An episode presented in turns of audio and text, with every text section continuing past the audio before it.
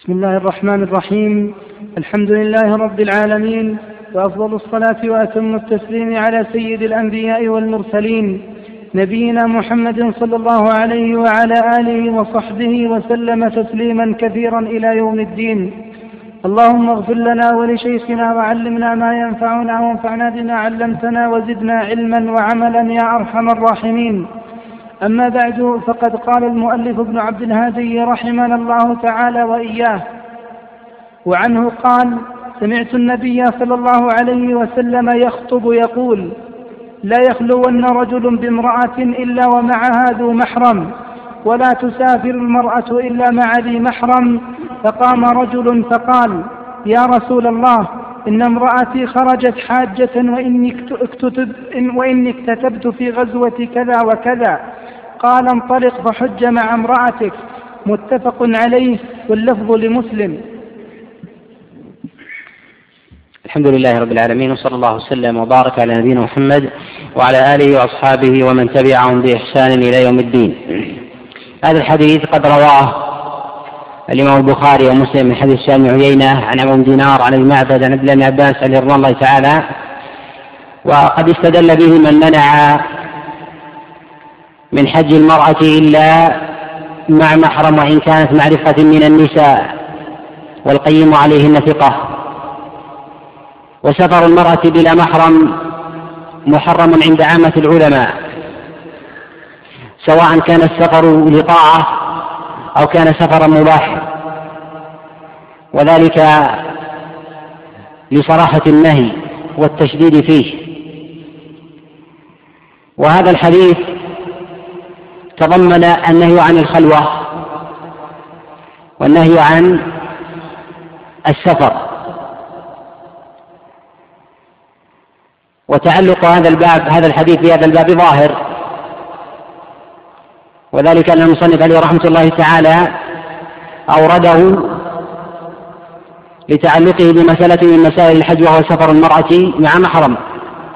وتقدم الكلام أن من شروط الإحرام وجود المحرم للمرأة.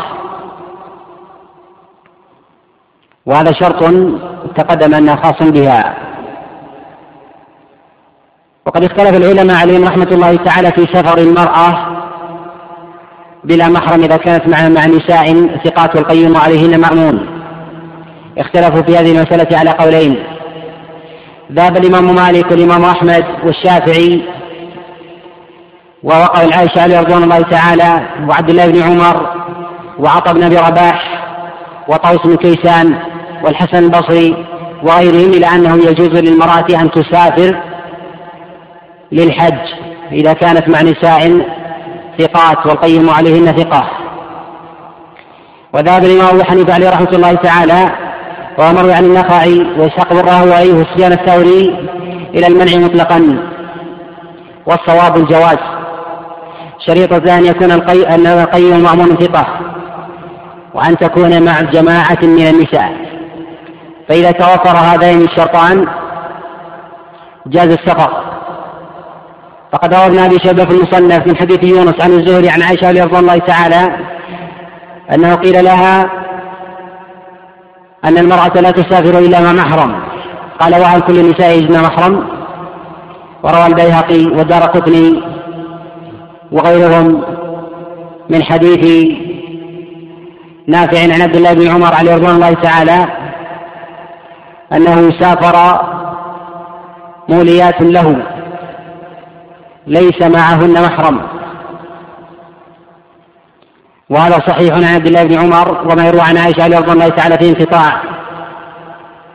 ورخص في هذا كما تقدم عطاء بن رباح والحسن البصري وطاووس بن كيسان وغيرهم.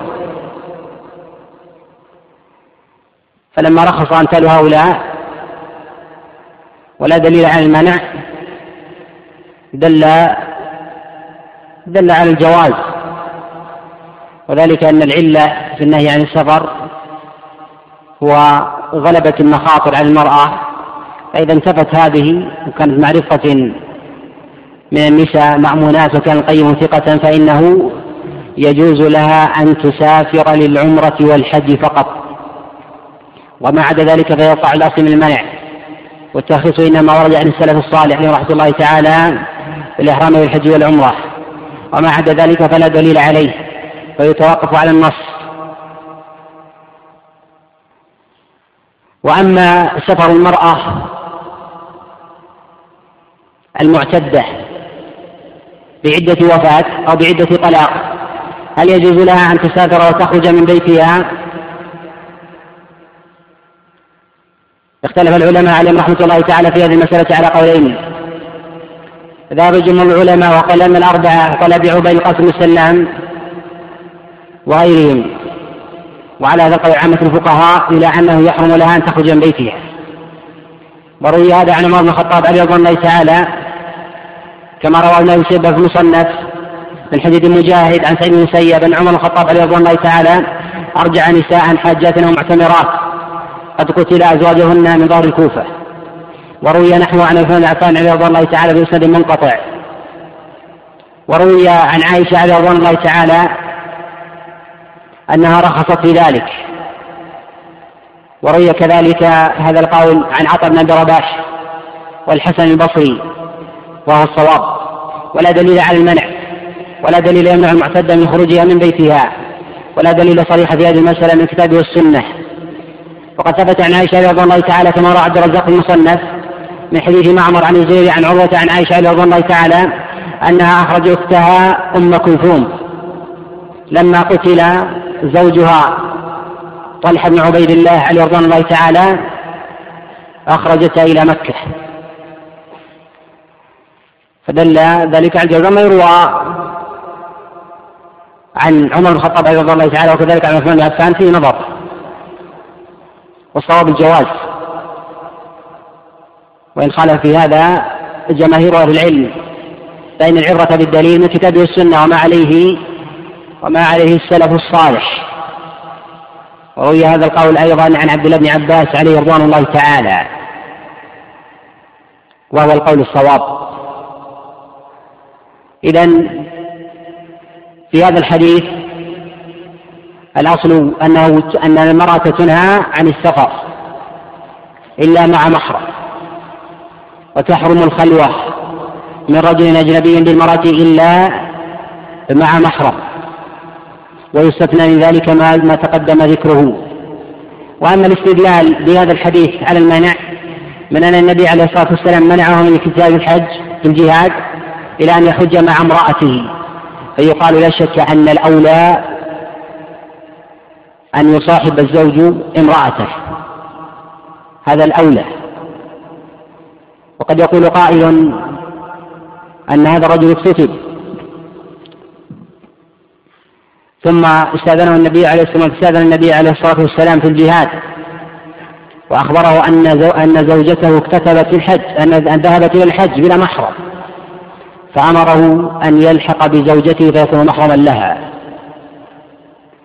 فيقال أن هذا الدليل دليل ظني لا يدل على أكثر مما جاء به عن النبي عليه الصلاة والسلام أن لا تسافر المرأة إلا مع محرم. ويقال أنه لا يدل على أكثر من الأولى الأولى في حقه أن يرافق زوجته. وربما رده النبي صلى الله عليه وسلم من أمر مشروع إلى أمر مشروع. وربما فهم هذا الصحابي عليه رضوان الله تعالى أن أنه إذا اكتتب لا يجوز له أن يتركه إلى غيره خاصة إذا كان الجهاد ليس بفرض على الأعيان. فظن هذا الفهم فأذن له النبي عليه الصلاة والسلام إذا فالدلالة ظنية والأصل الترخيص خاصة أن عائشة عليه رضوان الله تعالى هي من أفقه أصحاب النبي عليه الصلاة والسلام وأقربهم لرسول الله صلى الله عليه وسلم.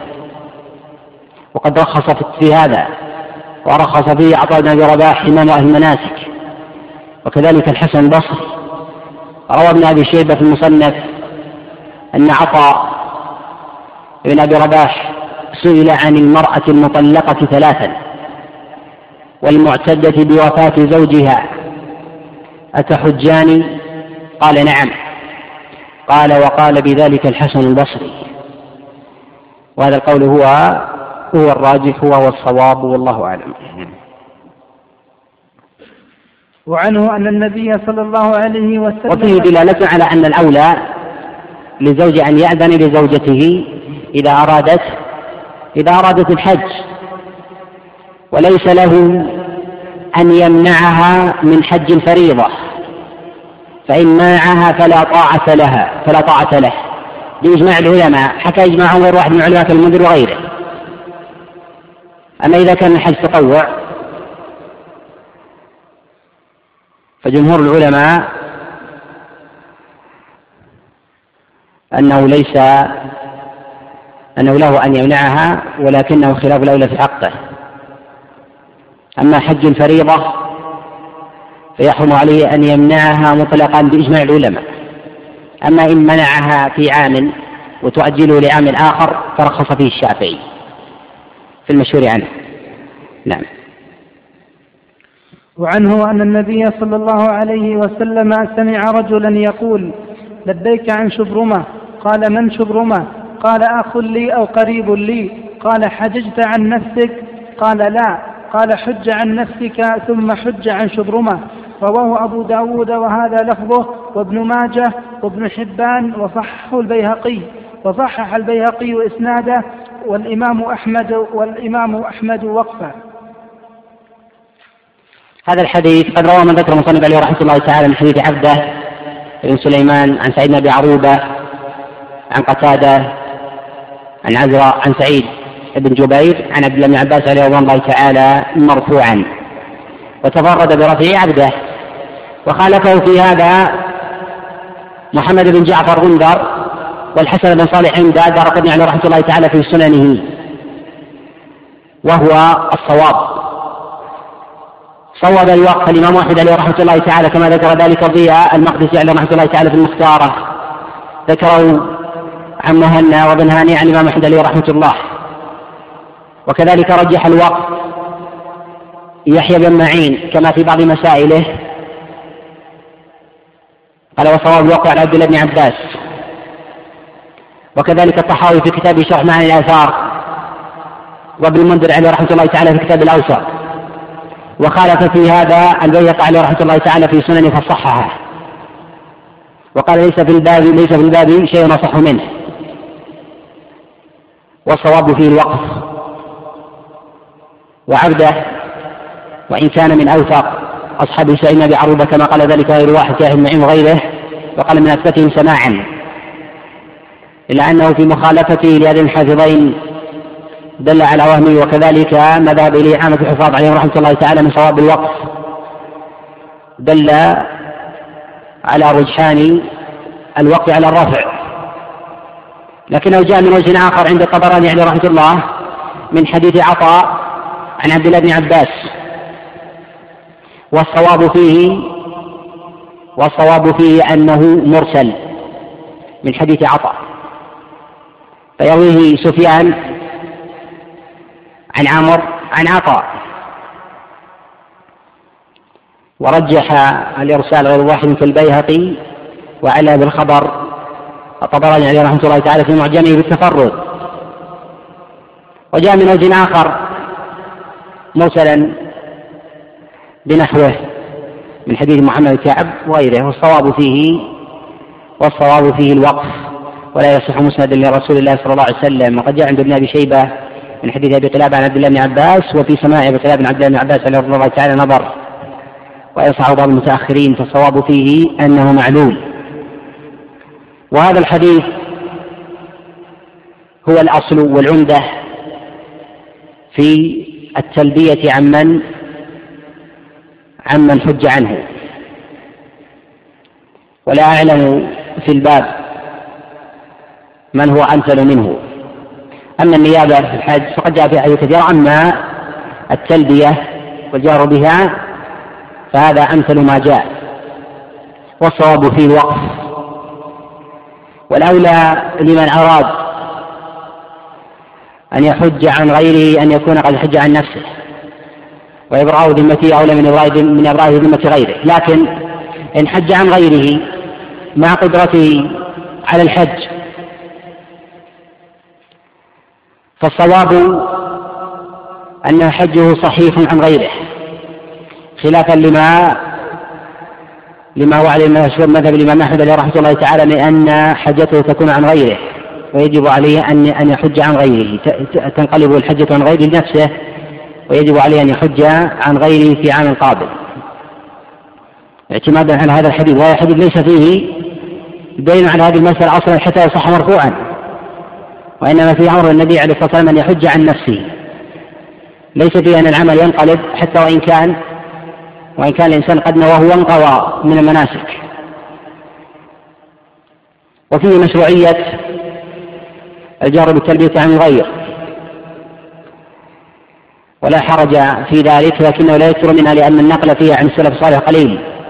ما يدل ما يدل على عدم الإكثار فيها وإنما يلبي ويهل إهلالا مطلقا وينوي بقلبه نعم عن فلان. يقول لبيك اللهم لبيك ويتعبد الله عز وجل ويصلي ونحو ذلك ويطوف ويسعى ولا يحتاج له أن يجهر. وهذا يدل يدل على أن العبرة هو عمل قلب ولا حرج عليه أن يجهر في بعض الأحيان. نعم. نعم. شاذة. جاءت في بعض الأوجه الحديقة طبعا قد روى البيق عليه رحمة الله تعالى من حديث عمرو بن حارث عن قتادة عن سعيد بن جبير عن عبد الله بن عباس. وإسناده منقطع فقتادة لم يسمع من سعيد بن جبير كما قال ذلك ابن معين وغيره نعم. باب المواقيت. المواقيت. مواقيت مقدرة شرعا في الكتاب والسنة. والمواقيت تنقسم إلى إلى قسمين. مواقيت زمانية ومواقيت مكانية. المواقيت الزمانية هي أشهر الحج وهي التي قال الله عز وجل عنها في كتابه العظيم الحج أشهر معلومات فمن فرض فيهن الحج فلا رفث ولا فسوق ولا جدال في الحج. وأشهر الحج هذه في هذه الآية قد اختلف العلماء عليهم رحمة الله تعالى في تحديدها. فذهب جمهور العلماء وهو قول الإمام أحمد وأبي حنيفة ورواية عن الشافعي وكذا الإمام مالك عليه رحمة الله إلى أنها شهر شوال وذو القعدة وعشر ذي الحجة.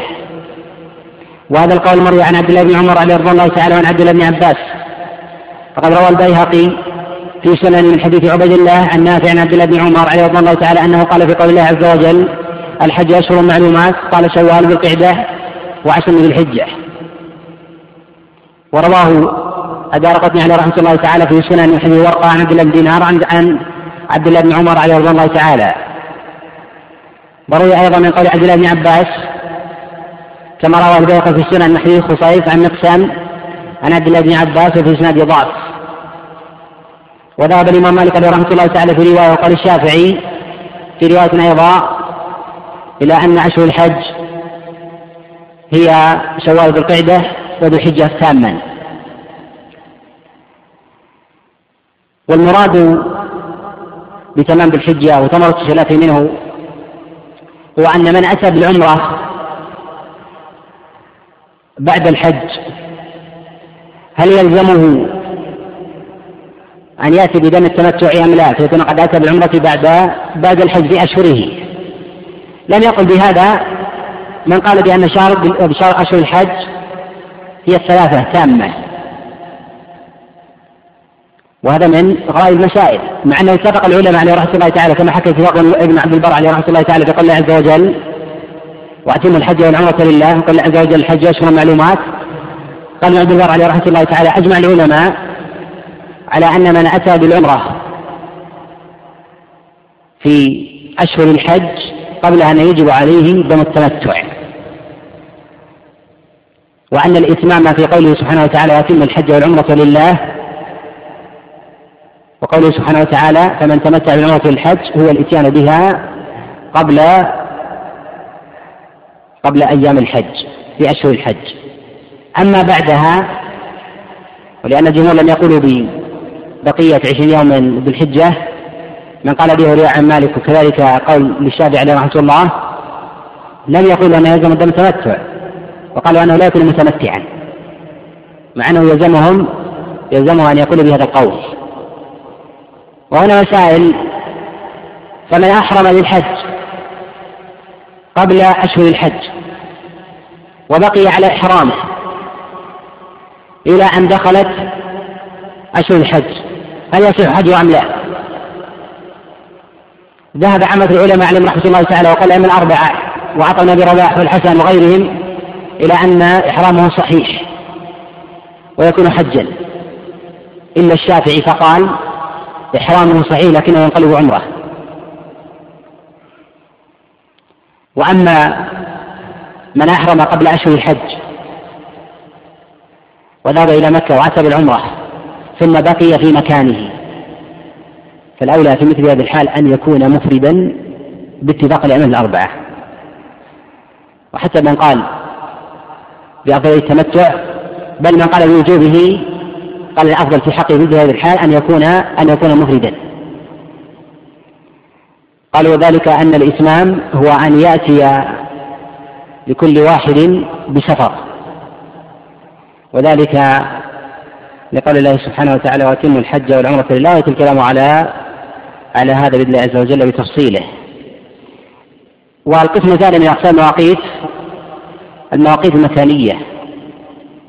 وهي ما وقتها رسول الله صلى الله عليه وسلم ما وقتها بعض أصحابه من بعده. وهي الحليفة والجحفة ويلملم قبل المنازل وما وقته عمر من ذات عرق لأهل العراق وأهل العقيق والعقيق لأهل المشرق. وإن كان الحديث فيه ضعيف لكن هذه هي المواقيت المكانية ويأتي الكلام عليها بإذن الله. نعم. عن ابن عباس رضي الله عنهما أن النبي صلى الله عليه وسلم وقت لأهل المدينة ذا الحليفة ولأهل الشام الجحفة ولأهل نجد قرن المنازل ولأهل اليمن يلملم هن لهن ولمن أتى عليهن من غير أهلهن ممن أراد الحج والعمرة ومن كان دون ذلك فمن حيث أنشأ حتى أهل مكة من مكة. متفق عليه. هذا الحديث قد اتفق على إخراجه البخاري ومسلم من حديث طاووس عن عبد الله بن عباس رضي الله تعالى روى عند البخاري عن دينار عبد الله بن طاووس روى عند الإمام مسلم رحمه الله تعالى عبد الله بن طاووس عن أبيه عن عبد الله بن عباس رضي الله تعالى. وهذه المواقيت هي المواقيت المكانية التي ذكرت في هذا الحديث. فقد جمعها بعضهم بقوله قرن المنازل يلملم اليمني ومن ذي الحليفة يحرم المدني ولأهل الشام ولأهل الشام قرن إن مررت بها ولأهل نجد ولأهل الشام ولأهل الشام الجحفة إن مررت بها ولأهل نجد قرن فاستبني وهذه المواقيت التي وقتها النبي عليه الصلاة والسلام إلا ذات عرق فالصواب في أن وقته عمر بن الخطاب عليه رضي الله تعالى كما ثبت في صحيح البخاري من حديث عمر بن الخطاب عبد الله بن عمر عليه رضي الله تعالى. وهذه المواقيت أولها ذو الحليفة. وسمي ذو الحليفة حليفة تصوير الحلفة. وهي نبتة تنبت فيه ويكثر نباتها هناك فسميت به. والجحفة سميت جحفة لأن السيل قد أثر في مواطنها.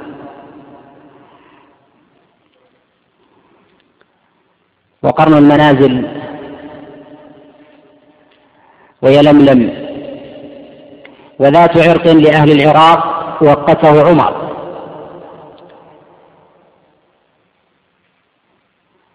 والعقيق ولا يثبت فيه ولا يثبت فيه شيء. عن الصحابة عليهم رضي الله تعالى إلا عن أنس ولا عن النبي عليه الصلاة والسلام ويأتي الكلام عليه. وأبعد هذه المواقيت ميقات أهل المدينة. وذو الحليفة وهو في البعد عشرة مراحل والمرحلة من أربعين إلى خمسة وأربعين كيلو متر وأما قرن المنازل ويلملم وذات عرق فإنها على نحو مرحلتين. وأما الجحفة فهي على على أربع مراحل. ولذلك يقول بعضهم عرق ويلملم عرق ويلملم والجحفة كلها في البعد مرحلتان من أم القرى. والمرحلة في لغة في لغة العرب قبل الإسلام وهو انقرض بعد ذلك العمل بها إلا في عصر كبار الصحابة نحو أربعين كيلو وقد تزيد قليلا لكنها لا تصل إلى الخمسين في عرفنا في هذا الوقت. وقوله عليه الصلاة والسلام هن لهن ولمن أتى عليهن أي أنه يجوز لمن أراد الإحرام أن يحرم من غير جهته. كمن كان من أهل المدينة أن يحرم من الجحفة وأن يتجاوز الميقات. وهذا الصواب وهو قول أبي حنيفة والشافعي في قول وقال الإمام مالك عليه رحمة الله تعالى أيضا. وذهب الإمام أحمد عليه رحمة الله والشافعي إلى أنه يحرم تجاوز الميقات لغيره إلا بإحرام. وقوله ممن أراد الحج والعمرة فيه دليل على جواز تجاوز الميقات لمن لم يكن في نيته إحرام بحج بحج أو عمرة. وهذا هو الصواب ومن منع فليس عنده دليل في هذا. وقد دخل النبي عليه الصلاة والسلام وجماعة من أصحابه مكة من غير إحرام. وكذلك جماعة من السلف. فدل على الجواز لمن أراد دخول مكة لزيارة أو صلاة من غير عمرة أو حج. ومن أراد الحج فيحرم عليه أن يتجاوز هذه المواقيت. إلا بإحرام منها سواء كان مما ممن في جهته أو في غيره. وإن تجاوزها فذهب جماهير أهل العلم إلى أنه يجب عليه الرجوع. وذهب بعضهم إلى أنه عليه الفدية وإن لم يرجع فذهب عامتهم إلى أن عليه فدية وذهب إبراهيم النخعي وقال للظاهر ومال إليه ابن منذر إلى أنه ليس عليه فدية والصواب بل أنه آثم إن تعمد ذلك. ومن كان أهله دون ذلك مما ليس من أهل مكة ودون مواقيت فإنه يحرم من داره. وإن كان في قرية أو مدينة فإنه يحرم من هذه القرية وإن لم يحرم من داره. أما إذا كان في دار وليس في قرية كمن أراد الحج أو العمرة ممن يسكن وحده كالعمال الذين يسكنون على الطرقات في محطات الوقود والمحلات التجارية وأرادوا العمرة فإنهم يحرمون من أماكنه. أما المدن والقرى التي دون ذلك فإن المدينة كلها موطن موطن للإحرام. فإن أحرم من أي مكان منها صح وجاز وانعقد إحرامه. وأما أهل مكة فإنهم يحرمون يحرمون من مكة للحج فقط. وهذا الذي عليه عامة العلماء عليهم رحمة الله. بل حكى إجماع العلماء على ذلك جماعة كابن قدامة والمحب الطبري في القراء وغيرهم. ولكن ذهب بعض أهل الظاهر المتأخرين إلى أن إلى أن من أراد الإحرام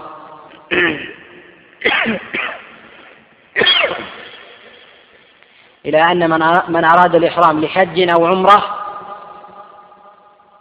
فإنه يحرم من مكانه. خلافا لما عليه عامة العلماء عليهم رحمة الله تعالى بأنه من أراد الإحرام من أهل مكة فإن كان الحج فإنه يحرم من مكانه وإن كان العمرة فإنه يحرم من الحل.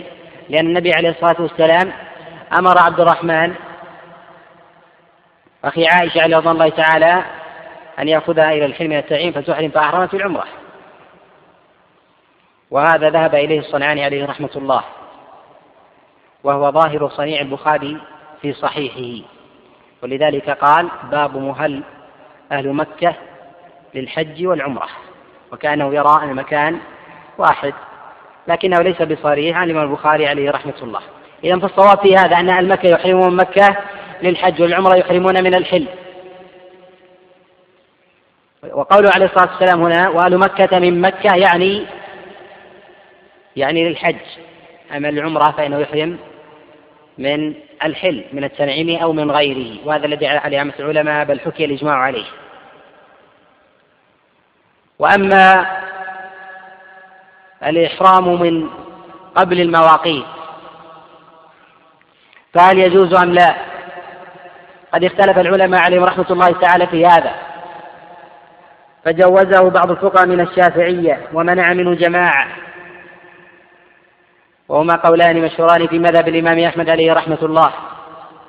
وصح عن عبد الله بن عمر وأنس بن مالك أنهما جوز ذلك. فروى ابن عبد البر عليه رحمة الله تعالى في كتابه التمهيد من حديث حماد بن زيد عن أيوب عن نافع عن عبد الله بن عمر عليه رضي الله تعالى أنه أحرم من بيت المقدس. وروى سعيد بن في سننه. وكذا الطحاوي وإسحاق بن راهوي في المسند وأبو يعلى كذلك في المسند من حديث حماد بن زيد عن هشام عن حفصة عن محمد بن سيرين أنه أحرم مع أنس بن مالك عليه رضوان الله تعالى وقد أراد مكة أحرم من العقيق. وقد روى البيهقي والدار قطني وكذلك ابن جرير الطبري في تفسيره من حديث شعبة بن الحجاج عن عمرو بن مرة عن عبد الله بن سلمة عن علي بن أبي طالب عليه رضي الله تعالى في قول الله عز وجل وأتموا الحج والعمرة لله قال أن تحرم بها من دويرة أهلك وروى ابن حزم في المحلى من حديث شعبة عن عمرو بن مرة عن عبد الله بن سلمة عن عائشة رضي الله تعالى نحوه وفي هذا الإسناد نظر ويبدو أنه وهم. والصواب فيه أنه عن علي بن أبي طالب عليه رضوان الله تعالى وهو متأول. فلعل مراد علي بن أبي طالب عليه رضوان الله تعالى من هذا أن تحرم بها من دوره أهلك. أي المراد بإتمام العمرة بقول الله سبحانه وتعالى وأتموا الحج والعمرة لله قال أن تحرم بها من دوره أهلك. أي إتمام الحج والعمرة أن تعقد لكل واحد إحراما وتعزم على السفر عليه من دوره أهلك وهذا الأولى. لا أن تجمعهما تجمعهما بسفر واحد. وليس المراد بهذا أن تعقد النية بالإحرام من بيتك ممن هو قبل المواقيت. لكن يقال أنه لما فعل بعض الصحابة لا حرج أن يفعله من يفعل لكن الصواب الاقتداء بسنة النبي عليه الصلاة والسلام. فيقال من أشكل عليه مثلا محاذاة الميقات كالشخص الذي يأتي في الطائرة أو الباخرة ولا يعلم موطنا دقيقا ويخشى ويخشى على نفسه أن يتجاوز الميقات فإنه لا حرج عليه أن يحرم قبل ذلك وإن تيقن أنه أحرم قبل ذلك. ليقطع الشك باليقين سواء كان في طائرة أو باخرة أو نحو ذلك. مثل هذا مثل هذا لا حرج عليه. وقد يكون متبع لأنه أخذ بالأحوط أما إذا كان الإنسان يمر بالميقات وعقد النية من داره فإنه خلاف السنة لكن فعل لا يبدع لأنه قد ثبت عن جماعة من السلف الصالح كعبد الله بن عمر وأنس بن مالك وأنس بن مالك ومحمد بن سيرين وغيرهم عليهم رضوان الله تعالى. وأما ميقات العراق وذات عرق فالصواب أنه وقته عمر بن الخطاب عليه رضوان الله تعالى وما جاء من توقيت النبي عليه الصلاة والسلام له فهو من غلط. وأما ما رواه الإمام مسلم عليه رحمة الله تعالى في صحيحه من حديث أبي الزبير عن جابر أنه سئل عن المهل. قال ولا أحسبه إلا يرفعه إلى النبي عليه الصلاة والسلام قال ما أهل أهل المدينة بالحليفة والطريق الآخر الجحفة وما أهل أهل اليمن يلملم وأهل العراق ذات عرق وأهل نجد قرن فهذا وهم وشك في رفعه. لذلك قال احسبه يرفع يرفع إلا يرفعه إلى النبي عليه الصلاة والسلام. وقد جاء بلا شك عند ابن ماجه عليه رحمة الله تعالى في السنة من حديث إبراهيم يزيد عن أبي الزبير عن جابر عبد الله قال خطبنا النبي عليه الصلاة والسلام وذكر وهو وهو غلط. ولذلك في إسناد إبراهيم يزيد وهو غير محتج به. وقد روى الدار قطني عليه رحمة الله تعالى وكذا من خزيمة من حديث عبد الرزاق عن مالك عن نافع عبد الله بن عمر أن النبي عليه الصلاة والسلام وقت لأهل العراق ذات عرق وهذا تفرد به عبد الرزاق عن مالك فلم يروه سائر أصحاب الإمام مالك.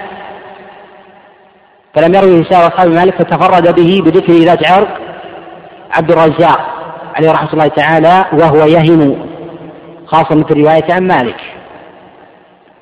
وكذلك قد رواه غير واحد. عن نافع عن عبد الله بن عمر وغير ذكر ذات عرق رواه عنه أيوب بن أبي تيمية السختياني وأسامة بن زيد وعبد العزيز بن أبي رواد وغيرهم كلهم روى عن نافع عن عبد الله بن عمر ولم يذكر ذات عرق بل توبع نافع عليه رواه سالم عن عبد الله بن عمر ولم يذكر ذات عرق فدل على أن على أن ذكر ذات عرق في عبد الله بن عمر وهم وغلط فقد أعل هذه اللفظة جماعة الحفاظ كالدار عليه رحمة الله تعالى في علله. وقد جاء من وجه آخر من حديث حجاج عن عطاء عن جابر بن عبد الله عليه رضوان الله تعالى وهو ضعيف فإن الحجاج هو ابن أرطاه لا يحتج به. ومتهم أيضا تدليس. والصحيح في هذا ما رواه البخاري من حديث عبيد الله عن ابن عبد الله بن عمر أن عمر بن الخطاب عليه رضوان الله تعالى وقت ذات عرق لأهل العراق. وقال بهذا القول جماعة كطاووس بن كيسان والشافعي عليه رحمة الله تعالى في كتاب الأم. بل قال الشافعي عليه رحمة الله في كتاب الأم حدثنا مسلم بن خالد الزنجي عن ابن جريج عن عبد الله بن طاووس عن طاووس بن كيسان قال لم يوقت النبي عليه الصلاة والسلام لأهل العراق ذات عرق ولم يكن عراق يومئذ. قال الشافعي عليه رحمة الله تعالى لما أخرج هذا قال ولا أحسبه إلا كما ذكره طاووس كيسان. وذهب إلى هذا جماعة من الحفاظ كالإمام مسلم عليه رحمة الله وابن خزيمة والشافعي قبل ذلك وقال الإمام أحمد عليه رحمة الله وغيرهم وذهب إلى صحة هذا البيهقي عليه رحمة الله. فذهب إلى إلى أن ذات عرقية من توقيت النبي عليه الصلاة والسلام. وسواء كان توقيت النبي عليه الصلاة والسلام أو توقيت عمر بن الخطاب عليه رضوان الله تعالى فعمر إنما وقت أنها محاذية المواقيت من عن يمينها وعن يسارها فدل على الجواز أن يحرم الإنسان إذا حاذ حاذ الميقات. وما جاء في هذا الباب فكله ضعيف. ولذلك يقول ابن خزيمة في صحيحه قال ولا يثبت عن رسول الله صلى الله عليه وسلم أنه وقت ذات عرق لأهل العراق. وكذلك قاله الإمام مسلم عليه رحمة الله تعالى في كتابه التمييز وأعل الحديث الذي جاء في صحيحه بالشك. حديث جابر عبد الله ذرية وزبير عن جابر في قوله ولا أحسبه إلا يرفعه النبي عليه الصلاة والسلام. وقد روى أبو داود في سننه ورواه الإمام أحمد كذلك أن النبي عليه الصلاة والسلام وقت العراق ذات عرق وقد تفرد به أفلح ابن حميد يروي عن قاسم وقد أنكره الإمام أحمد عليه رحمة الله. وأنكره جماعة من الحفاظ في الدار قطني وغيرهم وغيرهما في تفرد بتفرد أفلح بن حميد. وعله كذلك الطبراني عليه رحمة الله تعالى لما أخرجه في معجمه. وأما توقيت ميقات أهل المشرق قد روى أبو داود والترمذي وكذا الإمام أحمد من حديث يزيد بن أبي زياد وهو ضعيف. يرويه عن محمد ابن حسين عن عبد الله بن عباس رضي الله تعالى. وهو معلوم بعلتين به ضعف يزيدنا بزياده وكذلك انقطاع في إسناده. فمحمد لم يسمع من عبد الله بن عباس عليه رضوان الله تعالى. لكنه ثبت عن أنس بن مالك عليه رضوان الله تعالى أنه أحرم منه. كما روى سعيد منصور في السنن والطحاوي شر من الآثار اسحاق بن المسند وكذلك أبو يعلى من حديث حماد عن هشام عن حفصة عن محمد بن سيرين عن بن مالك عليه رضوان الله تعالى. تقدم الإشارة إليه. وهذا مما يحاذي مواقيت اذا فلا فلا حرج الإنسان أن يحرم منه أو من غيره مما مما يحاذي المواقيت. نعم.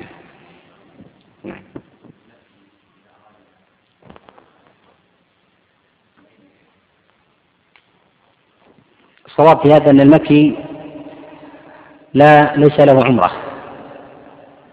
وهذا وهذا القول هو الصواب إذا ذهب إليه عبد الله بن عباس وجماعة فالمكي ليس له عمرة من أهل مكة وله الطواف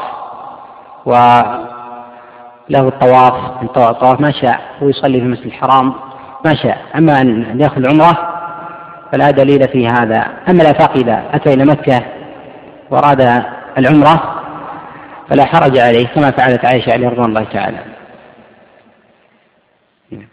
باب القران والإفراد والتمتع.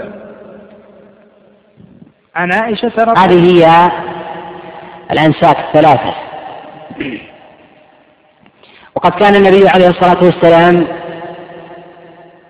قارنا. والنصوص فيها لكثيرة جدا. قد اختلف أصحاب النبي عليه الصلاة والسلام. هل كان النبي عليه الصلاة والسلام حينما حج مفردا أم قارنا؟ أولا ليعلم أن العمرة في أشهر الحج في الجاهلية من أكبر الكبائر. ومن أعظم الذنوب. ولذلك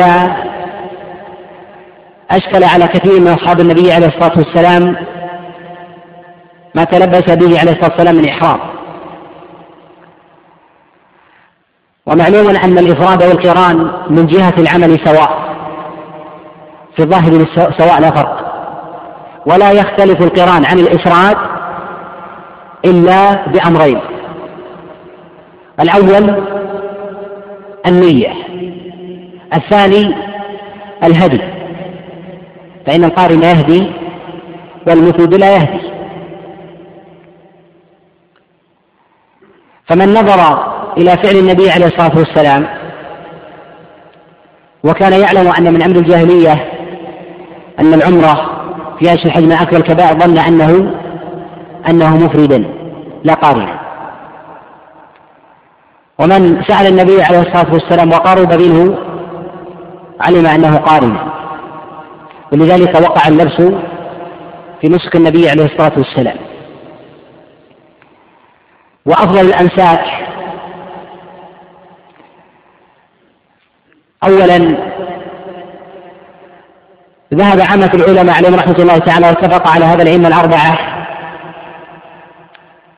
على أن من ذهب قبل أشهر الحج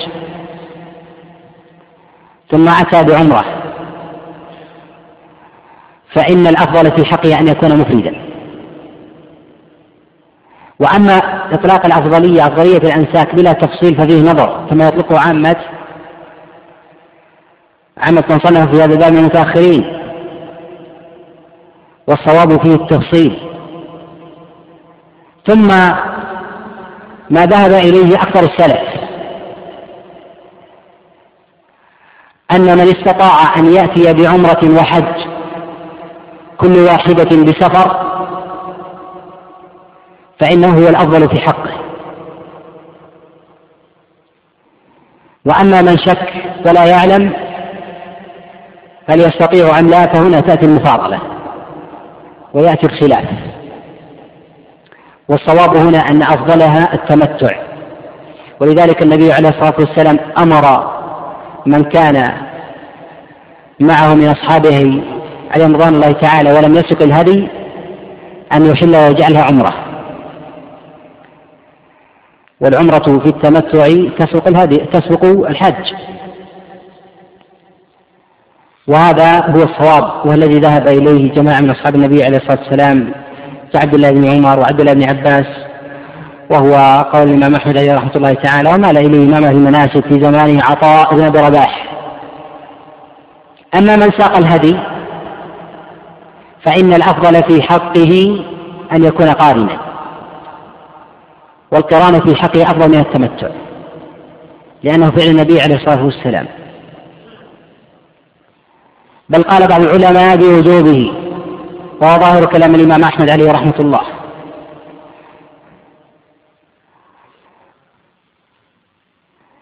والتمتع هو أن يحرم بعمرة ويأتي بالعمرة ثم يتحلل بعد انتهائه من السعي ثم يبقى محلا وجائزا له كل شيء قد حرم عليه حال إحرامه. إذا جاء يوم التروية وهو اليوم الثامن أحرم أحرم للحج ثم ذهب إلى منى وبات فيها ليلة التاسع. وأما المفرد والقارن فإنه يحرم إحراما واحدا ويبقى على إحرامه إلى أن يرمي جمرة العقبة. ويأتي الكلام على على هذه المسائل بتفصيلها بإذن الله. نعم. عن عائشة رضي الله عنها قالت خرجنا خرجنا مع رسول الله صلى الله عليه وسلم عام حجة الوداع. فمنا من أهل بعمرة ومنا من أهل بحج وعمرة ومنا من أهل بالحج. وأهل رسول الله صلى الله عليه وسلم بالحج. فأما من أهل بعمرة فحل. عن عائشة رضي الله عنها قالت خرجنا مع رسول الله صلى الله عليه وسلم عام حجة الوداع. فمنا من أهل بعمرة ومنا من أهل بحج وعمرة ومنا من أهل بالحج وأهل رسول الله صلى الله عليه وسلم بالحج. فأما من أهل بعمرة فحل وأما من أهل بحج أو جمع الحج والعمرة فلم فلم يحلوا حتى كان يوم النحر. الحديث قد رواه البخاري ومسلم من حديث مالك. عن أبي الاسود عن عروة عن عائشة عليه رضوان الله تعالى. وهذا الحديث فيه ذكر الانساك الثلاثة. وقوله عليه رضوان الله تعالى عام حجة الوداع. سميت حجة الوداع لأن النبي عليه الصلاة والسلام خطبهم بعرفة. وكأن خطبته خطبة مودع. وبعد ذلك لما توفي النبي عليه الصلاة والسلام اشتهر اسم هذه الحجة بحجة الوداع. وأما قبل ذلك فلا تسمى بحجة الوداع وإنما سميت بعد وفاته عليه الصلاة والسلام. ويفهم من هذا أن النبي عليه الصلاة والسلام قد لا يكون حج قبل ذلك والصواب أنه قد حج. قد روى الترمذي والإمام أحمد عليه رحمة الله في مسنده من حديث زيد بن حباب عن سفيان الثوري عن جعفر محمد عن أبي عن جابر عبد الله قال حج النبي عليه الصلاة والسلام ثلاث مرات. حجتين قبل أن يهاجر وحجة بعدما هاجر. وهذا الحديث معلول. لذلك قال فيه الترمذي عليه رحمة الله هذا حديث غريب. وقال البخاري عليه رحمة الله هذا الحديث ليس بمحفوظ. والصواب فيه الثوري عن أبي إسحاق عن مجاهد مرسلا. وزيد بن حباب في روايته عن سفيان الثوري فيها اضطراب واشتهر بقلب أحاديث سفيان. لكن الدليل على أن النبي عليه الصلاة والسلام حج قبل ذلك هو ما رواه البخاري من حديث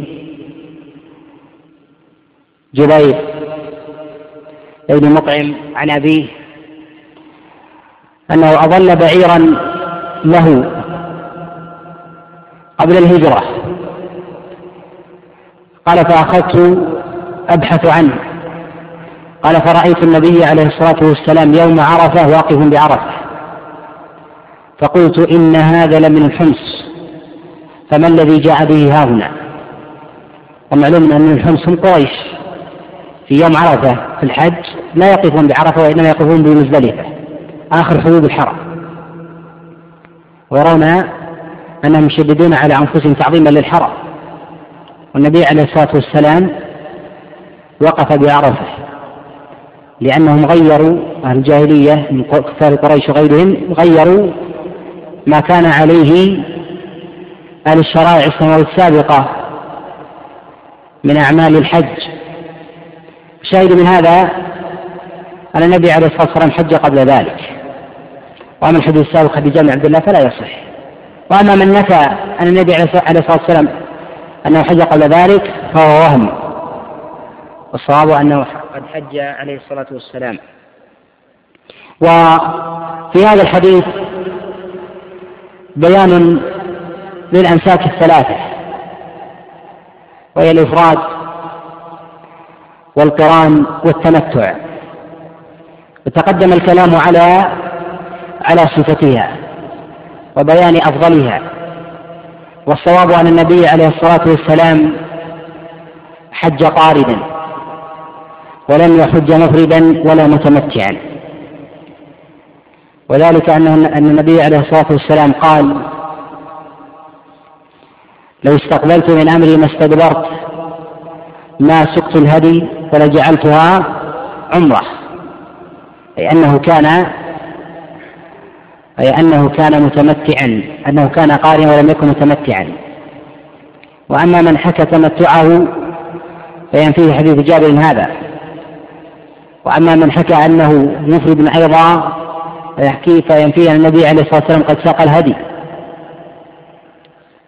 والهدي لا يكون إلا سوقه إلا للقارن. وأما من ساقه فالصواب أنه يحرم عليه أن ينزع إحرامه إلى إلى غيره. وهنا سنة قد تغيب عن كثير من الناس وهي أن الهدي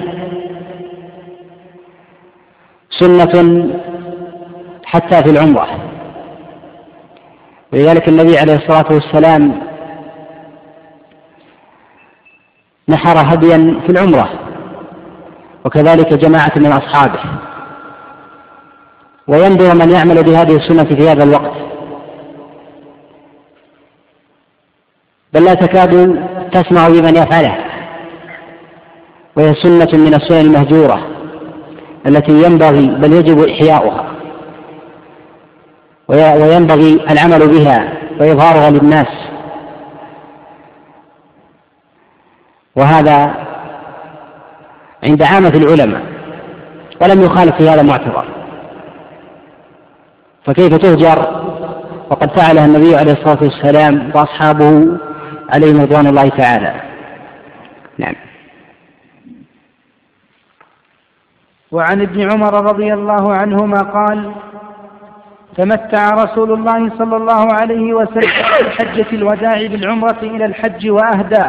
فساق معه الهدي من ذي الحليفة وبدأ رسول الله صلى الله عليه وسلم فأهل بالعمرة ثم أهل بالحج وتمتع الناس مع رسول الله صلى الله عليه وسلم بالعمرة إلى الحج.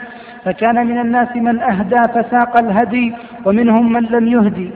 فلما قدم رسول الله صلى الله عليه وسلم مكة قال للناس من كان منكم أهدى فلا يحل من شيء حرم منه حتى يقضي حجه ومن لم يكن منكم أهدى فليطف بالبيت وبالصفا والمروة وليقصر وليحلل ثم ليهل بالحج وليهدي. فمن لم يجد الهدي فليصم ثلاثة أيام في الحج وسبعة إذا رجع إلى أهله. وطاف رسول الله صلى الله عليه وسلم حين قدم مكة فاستلم الركن أول شيء ثم خب ثلاثة أطواف من السبع ومشى أربعة أطواف. ثم ركع حين قضى طوافه بالبيت عند المقام ركعتين ثم سلم فانصرف فأتى الصفا فطاف بالصفا والمروة سبعة أطواف ثم لم يحلل من شيء حرم منه حتى قضى حجة ونحر هديه يوم النحر وأفاض فطاف بالبيت ثم حل من كل شيء حرم منه وفعل مثل ما فعل رسول الله صلى الله عليه وسلم من أهدى وساق الهدي. وفعل مثل ما فعل رسول الله صلى الله عليه وسلم من أهدى وساق الهدي من الناس متفق عليهما واللفظ لمسلم. حديث قد رواه الشيخان من حديث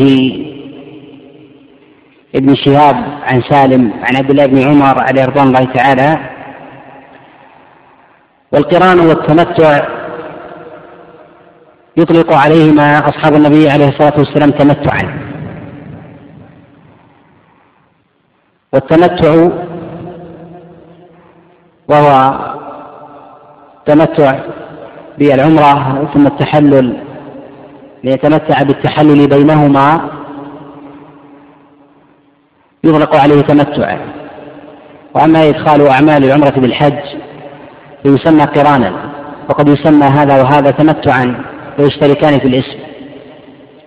ويظهر من قول عبد الله بن عمر عليه رضي الله تعالى أنه يرى أن النبي عليه الصلاة والسلام كان متمتعا أي أنه أحل قبل إذاله بالحج والصواب أنه كان قارنا. وفي هذا الحديث كثيرا من المسائل وفقه الحج.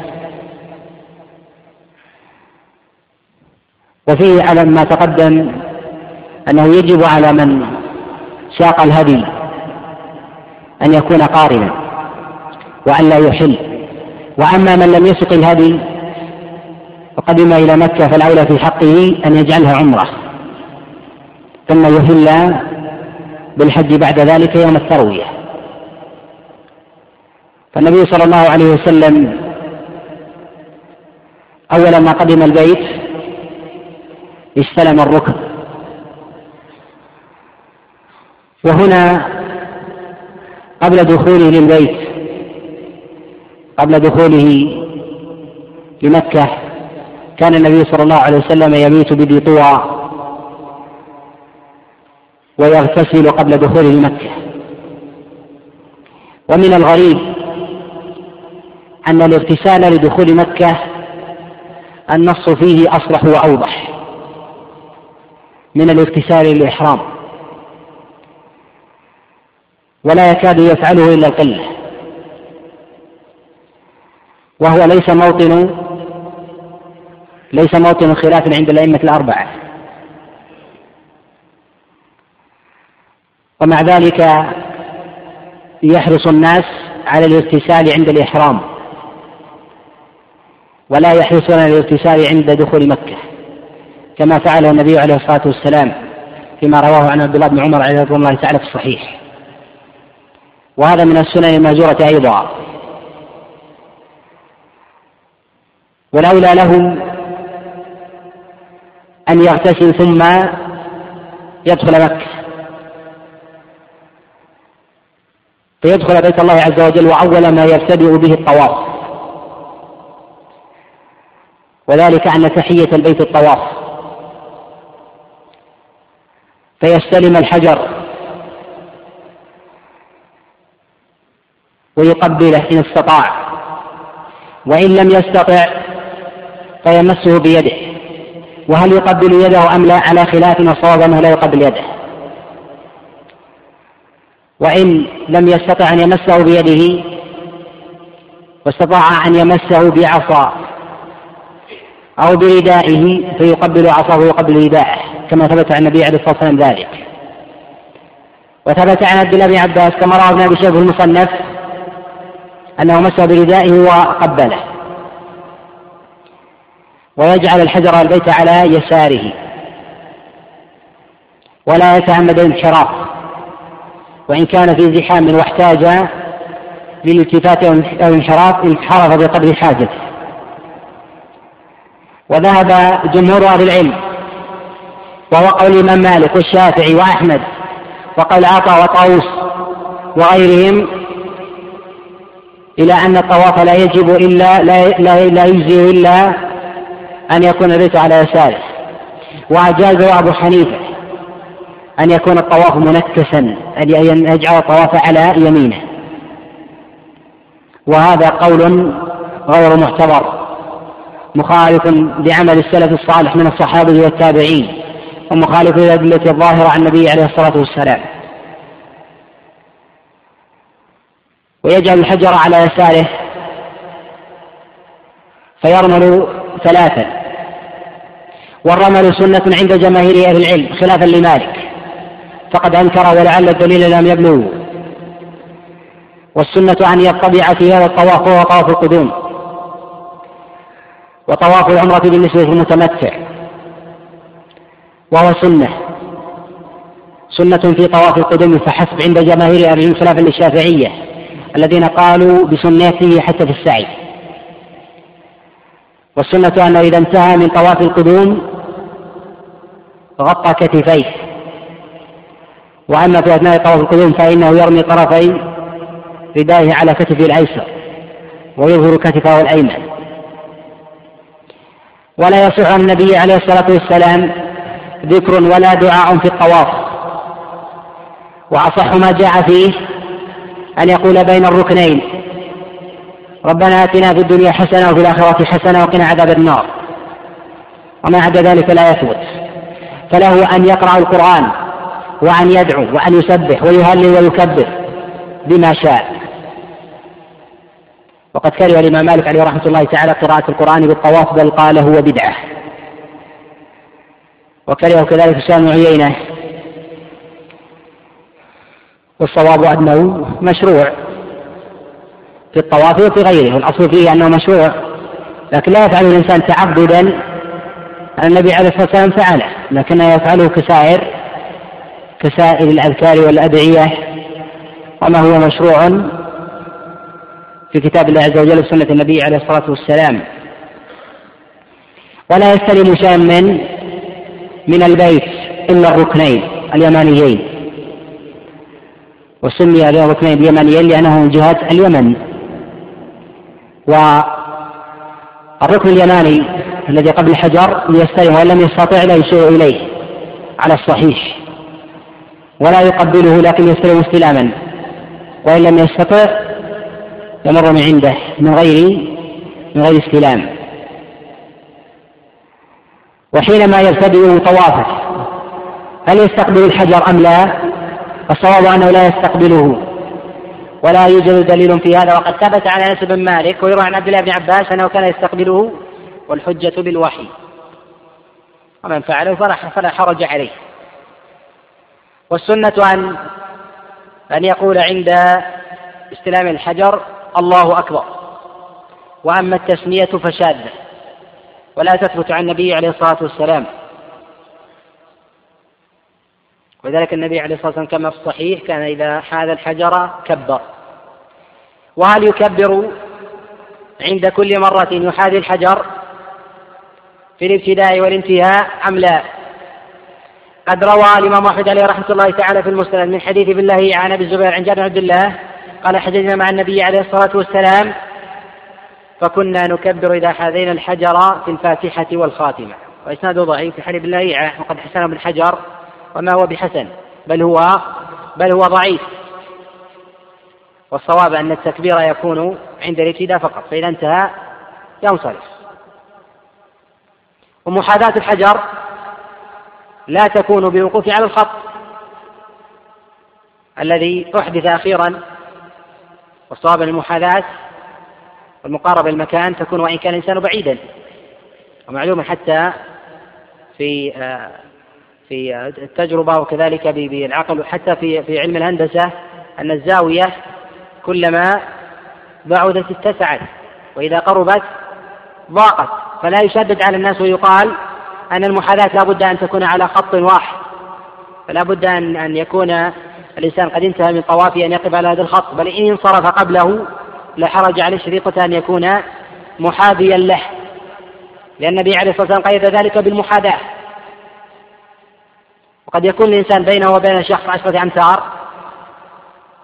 وكل منهما محاذي للحجر لكنه حينما يقرب هذا وهذا يكون كذلك كل محاذي الحجر وقد يزيد أحدهما عن الآخر إذا ابتعدا لما؟ لأن من طاف وهو محاذي لحج لجدار الكعبة طوافه أقل ممن طاف بعيدا عن الكعبة وخطواته أكثر. وهذا يدل على أن كلما بعد الإنسان كلما اتسع مجال المحاذاة فتكون المحاذاة حينئذ للإنسان بالنظر فإذا حاذى فإنه ينصرف ولا يلزم أن يتجاوز الخط الذي وضع حديثا على الرخام في صحن المطاف. و ثم جاء في الحديث ويأتي تفصيل الطواف في موضع الكلام عليه أن لا تتداخل لا تتداخل الأحاديث. ثم يسعى بين الصفا والمروة كما في هذا الحديث. وقبل ذلك يصلي ركعتين لقول الله عز وجل اتخذوا مقام إبراهيم مصلى. ومقام إبراهيم ليس مكان هذا المكان الذي هو الآن في التاج المذهب الأصفر وإنما قد حرك من مكانه وإنما هو الأصل في أصل جدار الكعبة. ثم جرفه السيد في عهد الخليفه الراشد عمر بن الخطاب عليه رضوان الله تعالى فأبقاه في مكانه وهنا مسألة من أراد أن يصلي خلف مقام إبراهيم فصلى قبل المقام أي بين المقام وبين الكعبة هل يكون قد صلى خلف مقام إبراهيم أم لا؟ الصواب أنه قد صلى خلف مقام إبراهيم للعبرة بالمكان الأصل ليس المكان الذي حرك منه الدليل على هذا الدليل على هذا أمران. الأمر الأول أن الله عز وجل كذلك النبي عليه الصلاة والسلام قد حدد الصلاة بمقام إبراهيم والمقام هو الموضع. هذا أولا. ثانيا أنه مما يدل على العبرة بالمكان أنه لو قدر وهذا من باب التمثيل فقط لو أزيلت الكعبة من مكانها من مقامه وضع في مكان آخر. بجوارها أو زيد في مكان في مكانها مما لم تكن عليه في السابق. هل يصلى المكان الجديد أم يصلى المكان الأول؟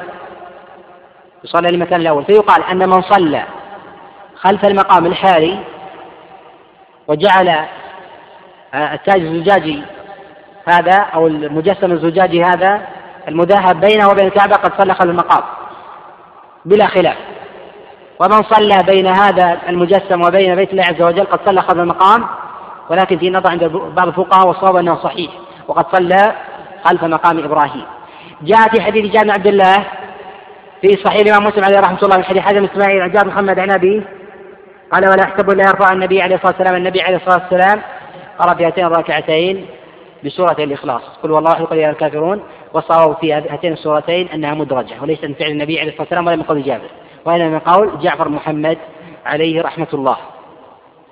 ولذلك قد ذكر خطيب بغداد عليه رحمة الله في كتابه الفصل فذكر أنها مدرجة ولذلك قال الإمام أحمد عليه رحمة الله تعالى روى هذا الحديث حتى من إسماعيل ولم يحفظ فرواه جماعة جابر محمد ولم يذكروا هاتين السورتين. إذا فليس من السنة قراءة هاتين السورتين وإنما يقرأ ما شاء. يقرأ ما شاء من السور. وهذا مدرج في الحديث ولذلك جاء الشك فيه في حديث عبد الله قال ولا أحسبه. يرويه إلا عن النبي عليه الصلاة والسلام. وجاء بغير شك في سنن أبي داود وكذلك مسند الإمام أحمد وذكر هذه الطرق كلها الخطيب البغدادي عليه رحمة الله تعالى وبين أنها أنها مدرجة في الحديث. وهذا هو الصواب الذي يفهم من كلام الإمام أحمد عليه رحمة الله تعالى ونص عليه الخطيب البغدادي وغيره من الحفاظ. ثم بعد ذلك يذهب إلى المسعى ويأتي الكلام على السعي بتفصيل بالله عز وجل ويشرع التطوع بالطواف متى شاء والأولى أن لا يطوف إذا شرع الطواف إلا سبع. ولذلك يقول عبد الله بن عباس رضي الله تعالى لكل سبع ركعتين في كل كل ما ينتهي من سبع يصلي يصلي ركعتين خلف المقام سواء كان لطواف لقدوم أو طواف تطوع مطلق. أما التطوع بالسعي بين الصفا والمروة فبدعة محدثة. السعي بين الصفا والمروة لا يكون إلا في حج أو عمرة. أما التطوع فمن المحدثات ومن البدع أما تطوع السعي فإنه عبادة باتفاق باتفاق أهل الإسلام. فيتطوع متى شاء. نعم. باب الإحرام وما يحرم فيه. عن سالم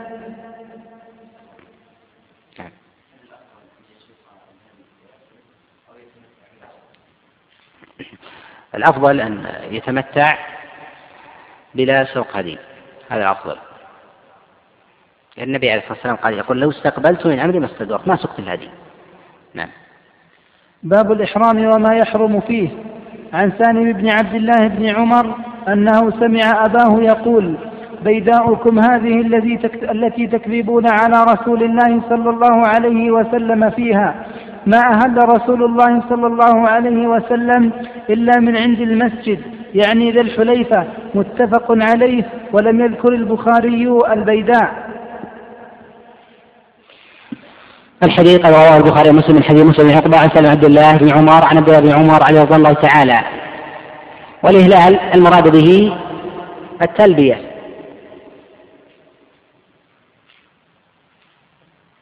ولذلك يقول النابغة أو درة صدفية غواصها متى يراها يهل ويسجد. يهل أي يجهر بها. الإنسان إذا رأى شيئا أعجبه أهل وجهر به لذلك يقول الله عز وجل وما أهل لغير الله به أجار الإنسان به. النبي عليه الصلاة والسلام قد أهل وجهر بإهلاله وهذا هو السنة. بل كان عبد الله بن عمر عليه رضوان الله تعالى يرفع صوته جدا كما ثبت عنه وكذلك عبد الله بن عباس رضوان الله تعالى. والتلبية وصورها وألفاظها وما ثبت عن الصحابة عليهم رضوان الله تعالى من ألفاظ في التلبية والصحيح منها والضعيف يأتي الكلام عليه. ونؤجل الكلام عليها إلى موضعها بإذن الله. والتلبية سنة عند جماهير أهل العلم. وقال بعضهم بوجوبها وقال بحنيفة. وكذلك عطى النبي رباح. بل قال عطى النبي رباح أن من ترك التلبية فعليه فدية. وذهب أبو حنيفة وعطى إلى أن الإحرام لا ينعقد إلا إلا بالنية مع الجهر بالتلبية. خلاف لجمهور أهل العلم وصاب أنه ينعقد بالتلبية وإن لم بالنية وإن لم وإن لم يلبي. والسنة أن يجهر. لأن النبي عليه الصلاة والسلام جهر ونقل عنه جماعة من أصحابه أنه لبى وحج معه جماعة وفئام كثير من الناس. ما يدل على أنه رفع صوته. وهذا فعل أصحاب النبي عليه الصلاة والسلام وهو سنة بالاتفاق. بل كان عبد الله بن عباس رضي الله تعالى يسميها زينة الحج. كما روى ابن أبي شيبة في المصنف من حديث أبي قلابه عن سعيد بن جبير أنه كان يوقظ الناس بعد احرامهم وهم نيام فيقول قوموا لبوا. إني سمعت عبد الله بن عباس عليه رضي الله تعالى يسميها زينة الحج. والتلبية مشروعيتها عامة للرجال والنساء والجهر كذلك على الصحيح. ذهب جمهور أهل العلم إلى أن المرأة لا ترفع صوتها بالتلبية. وهو قول الأئمة الأربعة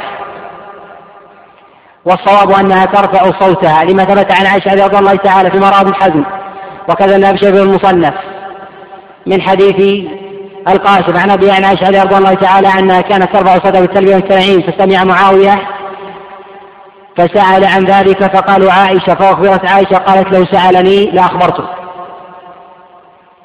ودار بن حزم الأندلسي عليه رحمة الله إلى أن المرأة ترفع صوت احتجاج بآثر عائشة رضي الله تعالى والصواب وصاب أن المرأة ترفع صوتها بالتلبية إذا كانت بين نساء. أو كن أو كانت مع رجال لا يفتنون بها كأن تكون امرأة عجوزا كبيرة أو يكون الرجال الذين معها محارم لها كأبنائها وإخوتها ونحو ذلك فترفع صوتها وتسمع وتسمعهم لفعل عائشة عليها رضوان الله تعالى. فإنها قد حجت مع النبي عليه الصلاة والسلام. ورفعت صوتها بعده عليه رضوان الله تعالى وهي من أعلم ومن من أعلم وأفقه أصحاب النبي عليه الصلاة والسلام فيما يخص النساء خاصة. إذا فالسنة برفع الصوت عام للرجال والنساء والأصل العموم. لكن قد صح عن عبد الله بن عمر عليه رضوان الله تعالى كما روى الدار قطني والبيهقي من حديث نافع عن عبد الله بن عمر قال لا تصعد المرأة الصفا ولا ترفع صوتها بالتلبية. وهذا مخالف لفعل عائشة عليه رضوان الله تعالى. وما ذهبت إليه عائشة عليه رضوان الله تعالى فيما يظهر هو هو الأولى وذلك لأنها كانت مرافقة للنبي عليه الصلاة والسلام في حجته الأولى حجة الوداع فكانت معه تذهب وتجي عليه رضوان الله تعالى وهي أعلم بقول النبي عليه الصلاة والسلام ورأيه من عبد الله بن عمر في في أمثال هذه المسائل خاصة. ومن ذهب إلى قول الأئمة الأربعة فهو قول بلا شك قول قول ظاهر القوة ويكفي هذا أن ذهب إليه هؤلاء الأئمة الكبار. ولكن ما ذهبت إليه عائشة رضي الله تعالى هو الذي تميل إليه النفس. فالنبي عليه الصلاة والسلام قد اختلف أصحابه متى لبى فمنهم من قال أنه لبى عند الشجرة ومنهم من قال أنه لبى في مصلاه ومنهم من قال أنه لبى على البيداء. وصواب النبي عليه الصلاة والسلام قد لبى في مصلاه. وكل قد روى ما سمع فالصحابة كثير. ومحال منهم جميعا أن يسمعوا تلبية النبي عليه الصلاة والسلام لكثرته. والصوت مهما مهو مهما قوي لا يسمع أمثال هذه الألوف وهذه الحشود. فمن قرب من النبي عليه الصلاة والسلام سمع والنبي عليه الصلاة والسلام كان في مصلاه ثم ركب راحلته ثم صعد على البيداء فتفاوت الناس في سماع تلبية النبي عليه الصلاة والسلام. فمن سمع البيداء نقل تلبيته على البيت ومن سمعه عند الشجرة نقل تلبيته عند الشجرة ومن سمعه عند مصلاه نقل تلبيته في مصلاه. والصواب أنه عليه الصلاة والسلام ابتدأ تلبيته في مصلاه. وقد روى البخاري في الصحيح أن النبي عليه الصلاة والسلام قبل تلبيته على البيداء وعلى ناقته سبح وهلل وكبر ثم لبى. قال ابن حجر عليه رحمة الله تعالى فيه دليل على مشروعية التهليل والتكبير قبل التلبية والتسبيح. قال وهذه سنة لا أعلم من أشار إليها.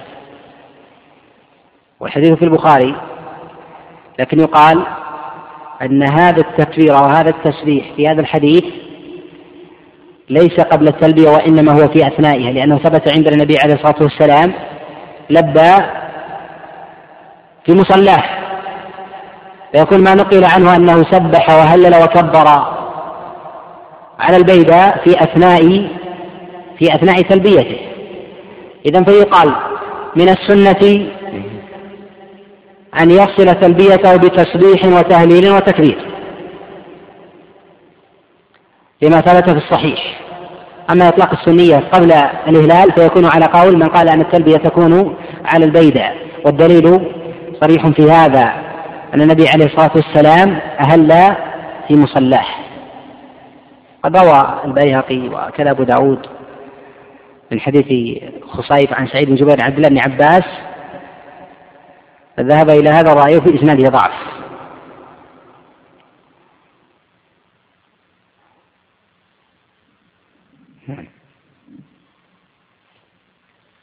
وعن خلاد بن السائب الأنصاري عن أبيه أن رسول الله صلى الله عليه وسلم قال أتاني جبريل فأمرني أن آمر أصحابي ومن معي أن يرفعوا أصواتهم بالإهلال. أو قال بالتلبية يريد أحدهما. رواه أحمد وأبو داود وهذا لفظه. والنسائي وابن ماجه وابن حبان والترمذي وصححه. هذا الحديث قد أعله في إسناده اضطراب. فقد رواه ابن بكر المصنف عليه رحمة الله تعالى من حديث عبد الملك عن خالد بن السائب عن أبيه. وروى الإمام أحمد بن ماجه وابن خزيمة أيضا من حديث المطلب عن خلاد عن زيد بن خالد الجهني ولم يقل عن أبيه. وقد صاحب الحبان عليه رحمة الله تعالى وجهين. وقد أعل الترمذي عليه رحمة الله تعالى أحدهما. وبهذا الحديث احتج من رأى وجوب الجهر بالتلبية وهو قول ابن حزم الأندلسي عليه رحمة الله. والجهر بالتلبية لا يكون إلا بعد لبس الإزار والرداء وبعد الاغتسال. ويأتي الكلام على هذه المسائل. نعم. وعن ابن عمر أن رجلا سأل رسول الله صلى الله عليه وسلم ما يلبس المحرم من الثياب؟ فقال رسول الله صلى الله عليه وسلم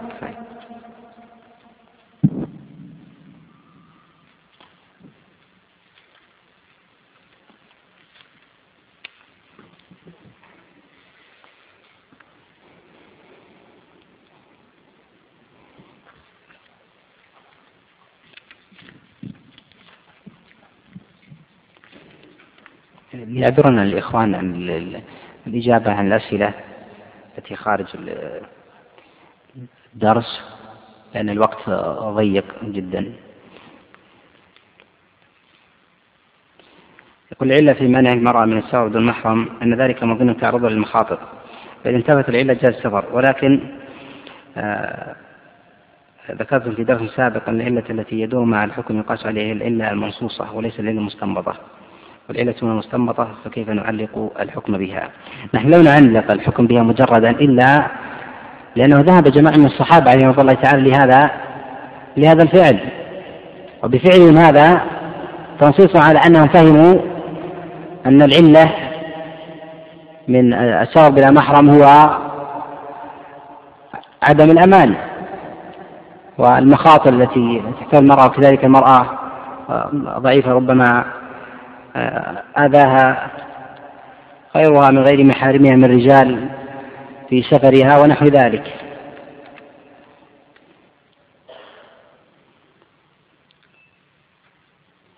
يقول لو جاوز الميقات وهو غير ناوي للحج ثم بدا له الحج فهل يقف في منتصف الطريق؟ وما الحكم لو لم يكن معه ثياب إحرام؟ إذا تجاوز الميقات ولا يريد الحج والعمرة ثم نوى الحج في طريقه فيكون فيكون إحرامه من مكانه. يكون إحرامه من مكانه. وإن أراد ليس معه مثل لباس إحرام فإنه يلبس من أقرب مكان إليه ويتجرد مما فيه من الملابس ويتخذ منها إزارا إزارا ورداء. والإزار والرداء ليس هو مخصص بما بما هو معروف الآن. قوة الإنسان يصنع من لباسه إزارا إلى أن يجد. أصنع من من ثيابه أو من غترته ونحو ذلك قل من تجاوز الميقات هل يرجع إلى أقرب ميقات أم يرجع إلى ميقات بلده؟ يرجع إلى أقرب ميقات على الصحيح ويجب عليه أن يرجع. وإن لم يرجع مع استطاعته أثر ولا فدية عليه على الصواب. وأما إذا كان يشق عليه الرجوع كان يخشى فوات أيام الحج أو يخشى فوات رفقة أو ليس لديه من المال ما يرجعه ونحو ذلك فلا حرج عليه أن أن يحرم مكانه.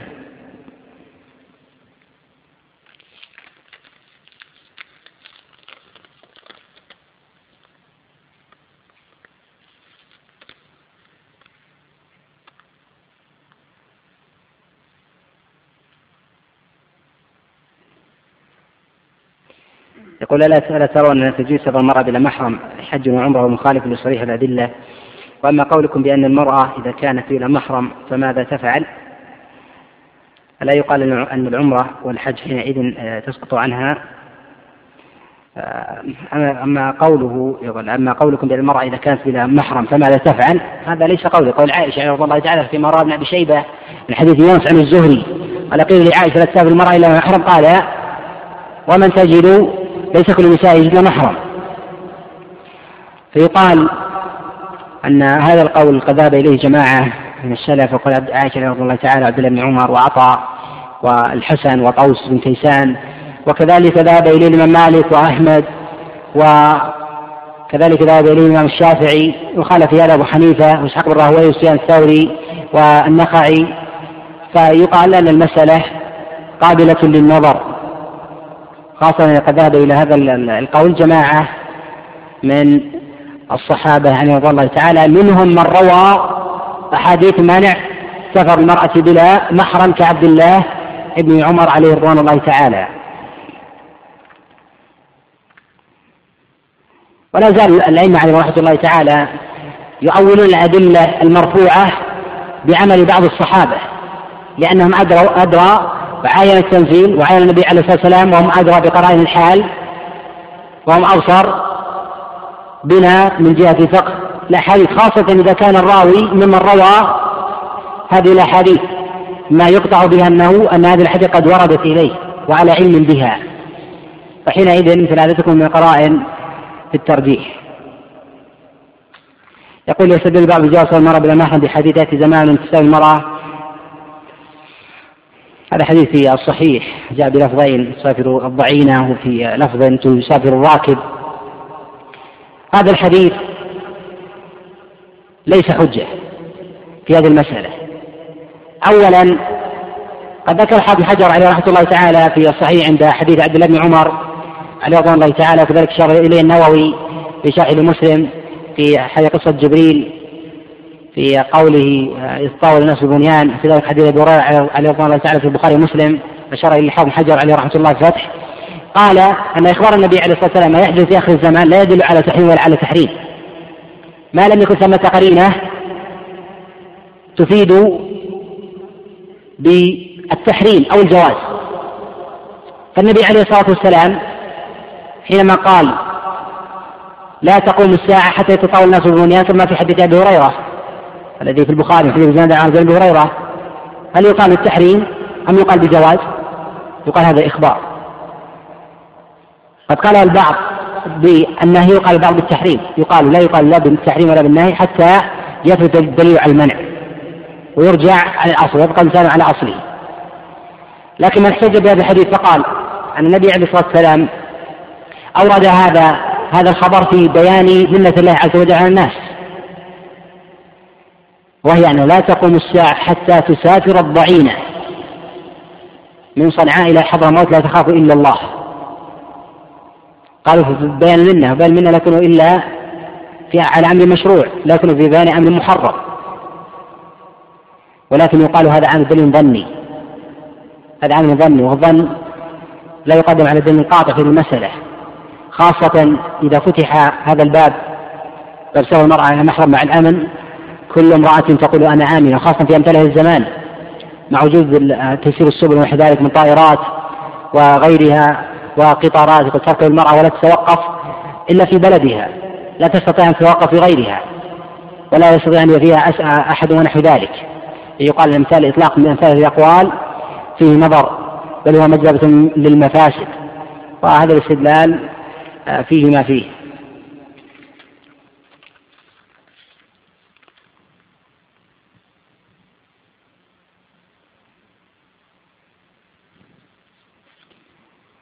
يقول آه، ذكرت أنه قد ثبت عن النبي عليه الصلاة والسلام كما عند البيهقي أنه قرأ في ركعة الطواف قل هو الله أحد وقل يا أيها الكافرون. نعم روي عند البيهقي ولكنه قول آه، ذكرته في شرح حديث جابر قد رجعت عنه. الصواب أنه ليس من السنة. الصواب ليس من السنة قراءة سورتين في ركعة الطواف وهذا الذي أجزم به.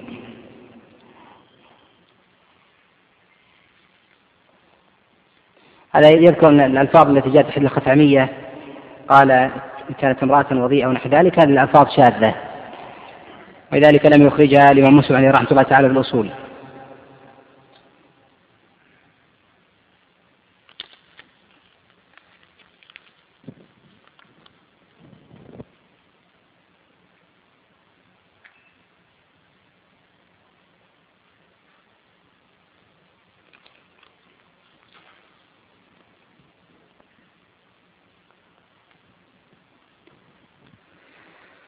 الله أعلم صلى الله وسلم وبارك على نبينا محمد.